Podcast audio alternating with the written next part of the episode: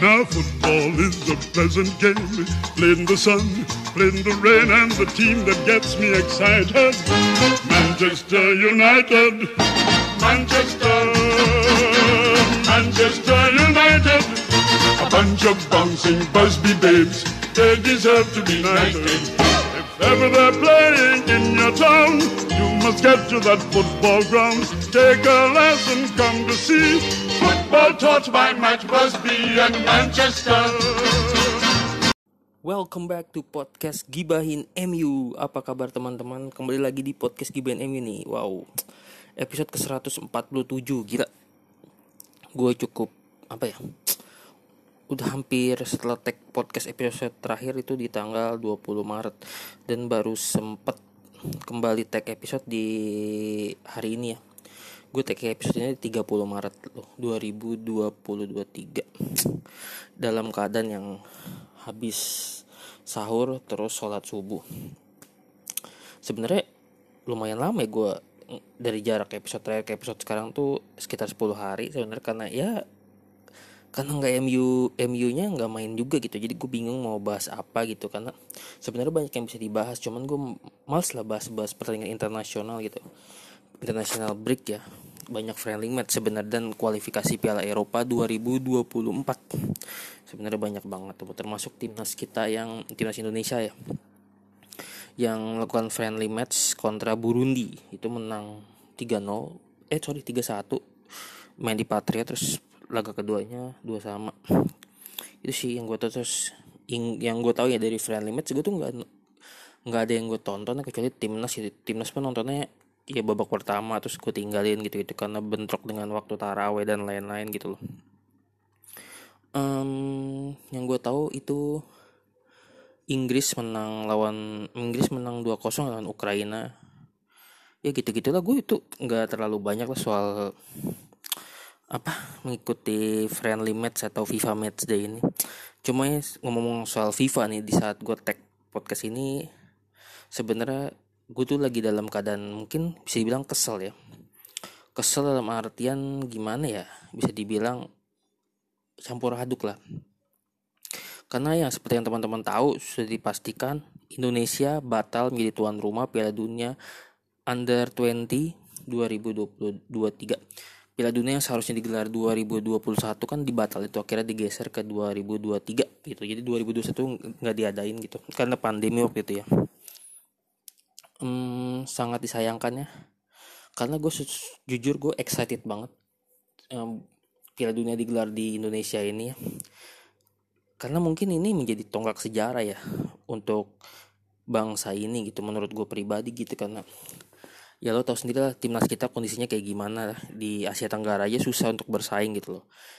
Dan di level usia di level usia ya entah itu under 20 under 23 under 19, under 17 atau bahkan under 16 itu sebenarnya cukup berprestasi ya dari beberapa level juniornya gitu.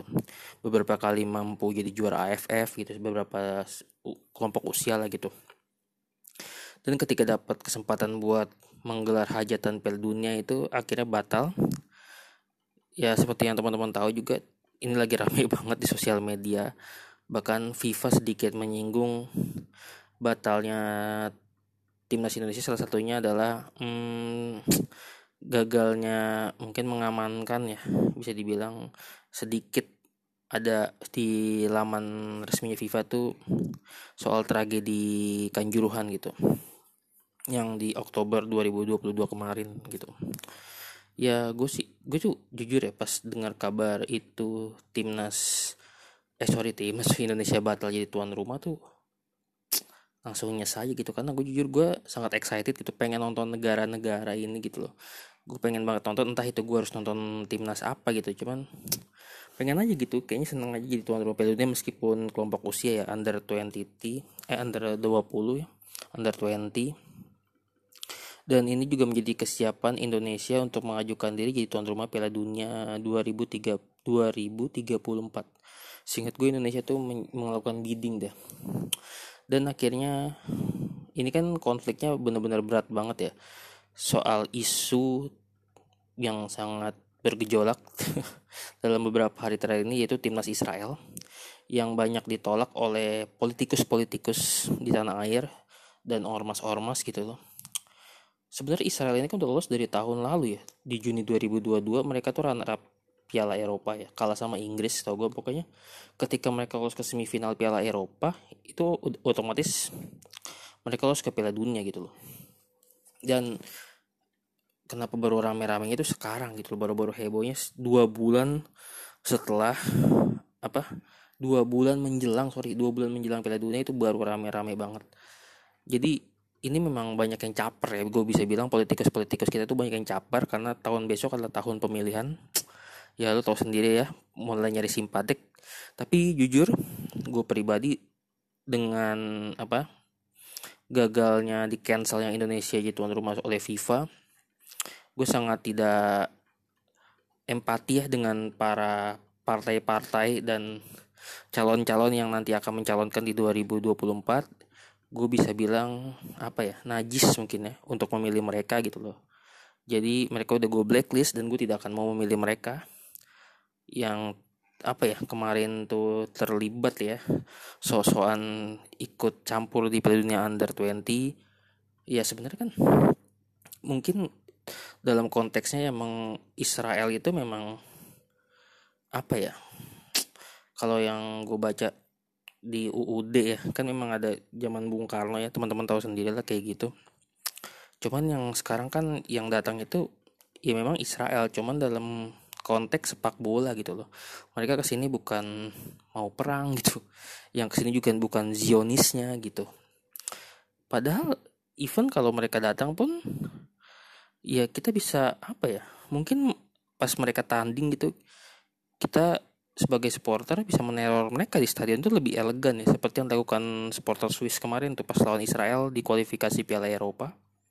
Harusnya kayak gitu gitu loh. Cuman ya lu tau sendiri lah politikus-politikus kolot kita ya banyak banget gitu. Ah sangat disayangkan ya. Jujur gue tag podcast ini tuh dari sebenarnya bingung gitu loh. Apa yang harus dilakukan gitu. Nggak ngerti lagi gitu kan sangat ah gue juga bingung jadi mau ngomong apa gitu. Sedih gitu loh rasanya maksudnya. Ini salah satu penantian dan teman beberapa teman gue juga ada yang lolos jadi volunteer ya. Terus soundtrack Piala Dunia U20 juga udah sempat beredar beberapa di ya di sosial media lah. Si Reza Arab ya World Genius. Eka Gustiwana tuh Tiara Liodra sama Ziva lewat lagunya yang judulnya apa sih Glorious atau apa gitu gue lupa. Ya batal dong pasti ya. Dan banyak banget pecinta sepak bola tanah air yang kecewa. Karena bisa dibilang kan timnas kita tuh untuk lolos ke Piala Dunia ya jangankan untuk Piala Dunia senior ya untuk Piala Dunia kelompok usia seperti ini susah gitu loh. Dan jadi tuan rumah adalah salah satu jalur yang menurut gue tepat gitu loh. Ya mencalonkan tuan rumah lolos secara otomatis ya karena jadi tuan rumah itu salah satu cara yang tepat kata ya lo tau sendiri lah gitu kayak gimana timnas kita gitu. Cuman ya gue nggak bisa berkata-kata lagi lah. Ah gila yaudahlah kita tinggalin soal polemik Piala Dunia ini yang kabarnya Argentina yang bakal gantinya di tahun ini gitu mereka tuh nggak lolos Piala Dunia tahun ini dan mereka berpeluang gantiin Indonesia sebagai host tuan rumah Piala Dunia tahun ini Oke, okay, hmm, kita lanjut ke segmen kedua ya, sebentar lagi.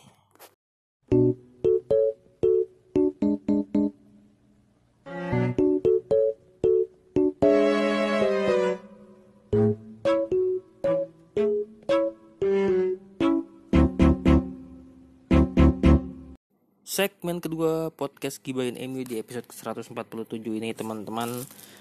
Hmm, setelah kita di segmen pertama bahas sedikit soal gagalnya Indonesia jadi tuan rumah Piala Dunia U20 di episode kali ini gue nggak bisa bahas banyak ya karena MU nggak main juga. Dan baru sebenarnya baru akan main nih tiga harian lagi lah setelah gue tag podcast ini.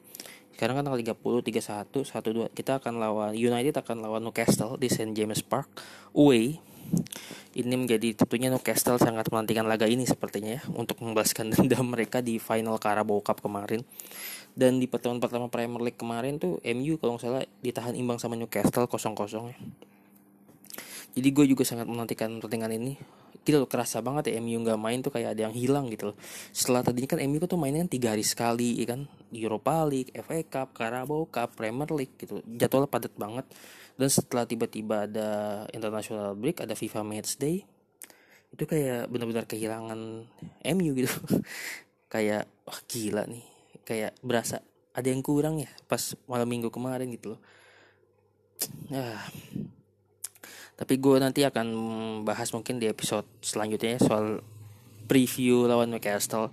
Dan di episode ini gue bakal bahas hmm, Premier League Hall of Fame yang baru aja dirilis sama Premier League di mana Sir Alex Ferguson terpilih sebagai manajer Premier League Hall of the Fame bersama Arsene Wenger ya. Jadi Ferguson sama Wenger ini bisa dibilang memang mereka berdua adalah pencetus bukan pencetus ya. Apa dua orang yang membesarkan nama bes, nama Premier League di kancah sepak bola internasional menurut gue pribadi ya.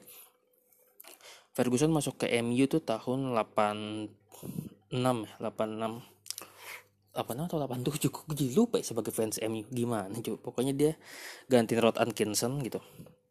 Di medio November Terus Wenger baru masuk Arsenal setahu gue setahun tahun 96 lah. Premier League udah jalan sekitar 3 sampai 4 musim itu Arsenal Wenger baru masuk. Jadi rivalitas Ferguson sama Wenger ini sangat luar biasa ya buat teman-teman yang ngikutin Premier League di apa akhir-akhir 90-an sama awal-awal milenium, awal-awal 2000-an itu persaingan Arsenal sama Manchester United benar-benar luar biasa. Sir Alex Ferguson seperti yang kita tahu punya 13 gelar Premier League. Ya kan secara Arsenal Wenger setahu gua tiga ya gelar Premier League-nya. Tapi dia punya salah satu gelar apa ya satu musim gelar Premier League yang mungkin belum bisa disamain sama manajer-manajer mana pun di Premier League yaitu unbeaten ya invisible tak terkalahkan di musim 2003-2004 itu mereka tak terkalahkan di 38 laga Premier League satu musim full ya. Bahkan mencatatkan sejarah 49 laga tak terkalahkan ya kalau dihitung sama musim berikutnya. Sebelum akhirnya tumbang sama Man United di Old Trafford 2-0 di musim berikutnya itu 2004-2005 ngomong soal Sir Alex Ferguson gitu gue jadi apa ya salah satu manajer terbaik di dunia buat gue pribadi gitu. Bahkan mungkin bisa dibilang manajer terbaik di dunia ya kalau buat fans MU gitu karena kayaknya bakal sulit ada yang nyamain era kemasannya si Alex Ferguson loh. Di era sepak bola modern kayak gini. Ya pelatih yang mau bertahan lama di salah satu di satu klub gitu loh. Ferguson itu 26 tahun di MU dengan 13 gelar Premier League terus dua Liga Champions. FA Cup-nya berapa ya? Gue lupa tuh jadinya. Jadi ya ini sangat wajar ya kalau Sir Alex mendapatkan gelar kehormatan seperti Hall of Fame bersama Arsene Wenger karena rivalitas mereka berdua benar-benar luar biasa menurut gua persaingan mereka. Bahkan mereka tuh sebenarnya kalau di atas lapangan kan pas masuk lapangan sering berantem sering adu mulut ya ketika MU bersua Arsenal. Itu eh, benar-benar panas kalau teman-teman ingat ya kan. Itu memang benar-benar MU sama Arsenal di musim-musim tersebut itu benar-benar luar biasa menurut gue sebagai orang yang ngikutin. Waktu itu gue masih SD loh tapi gue karena dibeliin bokap gue koran gitu kalau dulu koran bola ya koran soccer sama koran go go gitu dulu. Jadi gue banyak gue tuh orangnya kan suka baca. Jadi gue sering-sering baca. Jadi gue tahu rivalitasnya Wenger sama Ferguson terbentuk kayak gimana sebelum akhirnya di tahun 2004 masuk orang ketiga yang merusak hegemoni tersebut ya Jose Mourinho. Setelah era Jose Mourinho itu perseteruan Arsenal sama MU itu menurut gue meredup ya karena Chelsea datang merusak hegemoni tersebut loh. Ditambah Liverpool juga ikutan meskipun Liverpool nggak juara tapi mereka selalu bersama Rafael Benitez nya selalu ada di empat besar Premier League. Pokoknya itu the big four ya sebutannya kan. MU Arsenal Chelsea Liverpool. Pokoknya itu dari musim berapa ya? Itu selalu gonta-ganti apa posisi klasmen aja saling gonta-gantian entah kadang Arsenal juara. Arsenal juara tuh 2004 terakhir ya. Dan musim ini mereka ada di peringkat pertama Premier League. Jadi bukan tidak mungkin mereka bisa memutus puasa gelar Premier League mereka. Terus Liverpool nggak pernah juara ya di era itu bersama Rafael Benitez. Jadi hmm, ini persaingan yang menurut gue tidak akan ada lagi ya mungkin. Mungkin kan banyak yang bilang sekarang City sama Liverpool ya Pep Guardiola sama Jurgen Klopp cuman kalau lihat-lihat persaingan itu ya biasa aja gitu loh. Nggak kayak zaman Ferguson sama Wenger loh. Ferguson sama Wenger kan yang tadi gue bilang sering ber, sering berseteru di lapangan adu mulut bahkan saling cekcok ya. Cuman ketika pertandingan kelar mereka tuh katanya sering minum wine bareng minum anggur bareng gitu loh. Jadi ini seru sih dan si Wenger itu abis pensiun di Arsenal nggak ngelatih lagi setahu gue pokoknya jadi sempat ada beberapa kali jadi apa sih oh, di apa oh, bukan wawancara sih? Jadi pengamat sepak bola ya yang kayak sepertinya pertandingan kayak gitu. Entah di Sky Sport atau BT Sport gue nggak tahu lah. Terus ke Opa Ferguson. Udah nggak bisa digambarkan dengan kata-kata ya. Gue salah satu orang yang sedih ya ketika Sir Alex Ferguson memutuskan pensiun di musim 2012-2013 bahkan katanya kan Ferguson sebenarnya udah mau pensiun di musim 2011-2012 cuman karena MU gagal juara di musim tersebut ya dengan kekalahan yang tragis dari City ya di detik-detik terakhir gitu loh. Mungkin Ferguson terpacu ya gue satu musim lagi gitu. Uh, pada akhirnya ia boyong Robin van Persie dari Arsenal dan akhirnya mengunci gelar Premier League di musim 2012-2013 dan di 5 Mei gue inget banget Ferguson di 8 Mei sorry 8 Mei 2013 itu ngumumin dia pensiun dari dunia sepak bola dan pensiun sebagai manajer Manchester United. Apakah bakal ada yang nyamain Sir Alex Ferguson ke depannya? Di MU gue nggak tahu ya. Ke sepak bola bakal kayaknya panjang banget. Apakah Erik Ten Hag bisa kayak untuk menyamai Ferguson? Kayaknya agak sulit ya. Cuman untuk membuat sejarah baru membuat delegasi baru di MU itu mungkin bisa Erik Ten Hag gitu. Dan ngomong soal Premier League MU udah satu dekade ya nggak nggak juara Premier League gitu loh. 2012 2013 sekarang 2022 2023 dan musim ini udah dipastikan nggak bakal jadi juara Premier League ya meskipun secara matematika hitungan poin mungkin masih bisa cuman berat lah udah ya. Karena menurut gue tinggal Arsenal atau City yang bakal jadi juara Premier League dan soal Premier League Hall of Fame ini menurut gue Ferguson sangat pantas mendapatkannya sebagai manajer yang berkecimpung lama di Premier League gitu loh. Memenangkan 13 gelar. Ferguson itu punya 500 20, 528 kemenangan ya di Premier League bersama Man United gitu. Dan gue lupa kalau Wenger berapa gitu loh. Hah, gila sih. Kalau ingat masa-masa zaman Sir Alex tuh masa-masa indah sebagai fans MU bisa dibilang ya. Kenapa? Karena gimana ya? Kadang-kadang main jelek tapi menang gitu. Lu mungkin yang nonton-nonton MU era itu gitu kadang MU main jelek tapi menang gitu ya kan? Terus punya striker-striker top ya kan? Kayak Ruth Van Nistelrooy gitu. Kita punya Teddy Sheringham Dwight York gitu. Terus punya Wayne Rooney gitu. Bahkan sempat dapetin Henrik Larsson, Luis Saha, terus menjadikan Cristiano Ronaldo sebagai pemain top ya bisa dibilang gitu loh. Ferguson tuh sangat benar-benar berjasa buat perkembangan sepak bola Inggris, Premier League terutama dan Man United gitu loh. Ya kalau lo ngikutin bola di 90-an mungkin Premier League tuh nggak ada apa-apanya loh bahkan di TV Indonesia gitu loh, di TV lokal itu kebanyakan ingin Liga Italia loh, Serie A karena Serie A itu lagi populer ya ada Alessandro Del Piero, Roberto Baggio gitu-gitu kan. Terus Premier League tuh ya nggak ada apa-apanya kick, kick and terus dulu kelas Premier League ya. Dulu Premier League tuh di SCTV gue inget banget sebelum akhirnya pindah ke TV 7. Dan gue mulai nonton rutin Premier League tuh di TV 7 gitu. Dulu TV 7 itu bener-bener full nayangin Premier League.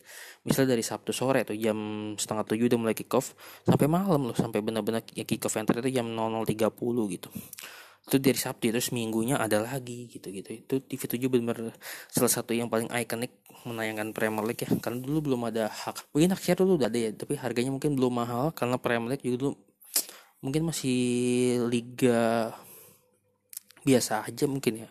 Di bawah Serie A sama La Liga mungkin ya. Gue juga nggak tahu dulu ya karena gue tidak mengikuti apa namanya datanya persis kayak gimana gitu ya gitu kali ya teman-teman yang bisa gue bahas di episode kali ini karena gue juga bingung mau bahas apa gitu loh. Karena dalam hati itu masih sedih soal jadi gue bahas di segmen awal gitu soal Indonesia yang gagal jadi Piala Dunia gitu. Ya mudah-mudahan ke depannya yang gue takutin adalah sanksi dari FIFA untuk tim untuk timnas Indonesia karena jujur Indonesia kan masih beberapa ada di beberapa event ya sepak bola. Salah satunya adalah Piala Asia Senior 2024 nanti di Qatar. Dan kalau sampai di Bennett otomatis Indonesia bakal dicoret dari Piala Asia tersebut itu. Sangat disayangkan. Kenapa? Karena terakhir kali Indonesia main di Piala Asia itu tahun 2007 pas jadi tuan rumah. Dan sedih banget sih harus kembali memupus harapan tampil di event sekelas Asia menurut gue yang sangat dinantikan itu loh. Tapi ya udahlah ya. Oke teman-teman gitu kali ya di episode ke-47 ini yang bisa gue bahas. Sampai ketemu di episode berikutnya. Uh, selamat menjalankan ibadah puasa buat teman-teman. Semoga dilancarkan semuanya. Dan selamat menikmati gajian ya bagi teman-teman yang udah nerima gaji ini di akhir bulan dan siap memasuki bulan April. Oke teman-teman, sampai ketemu di episode berikutnya di laga Newcastle United lawan Manchester United. Bye bye.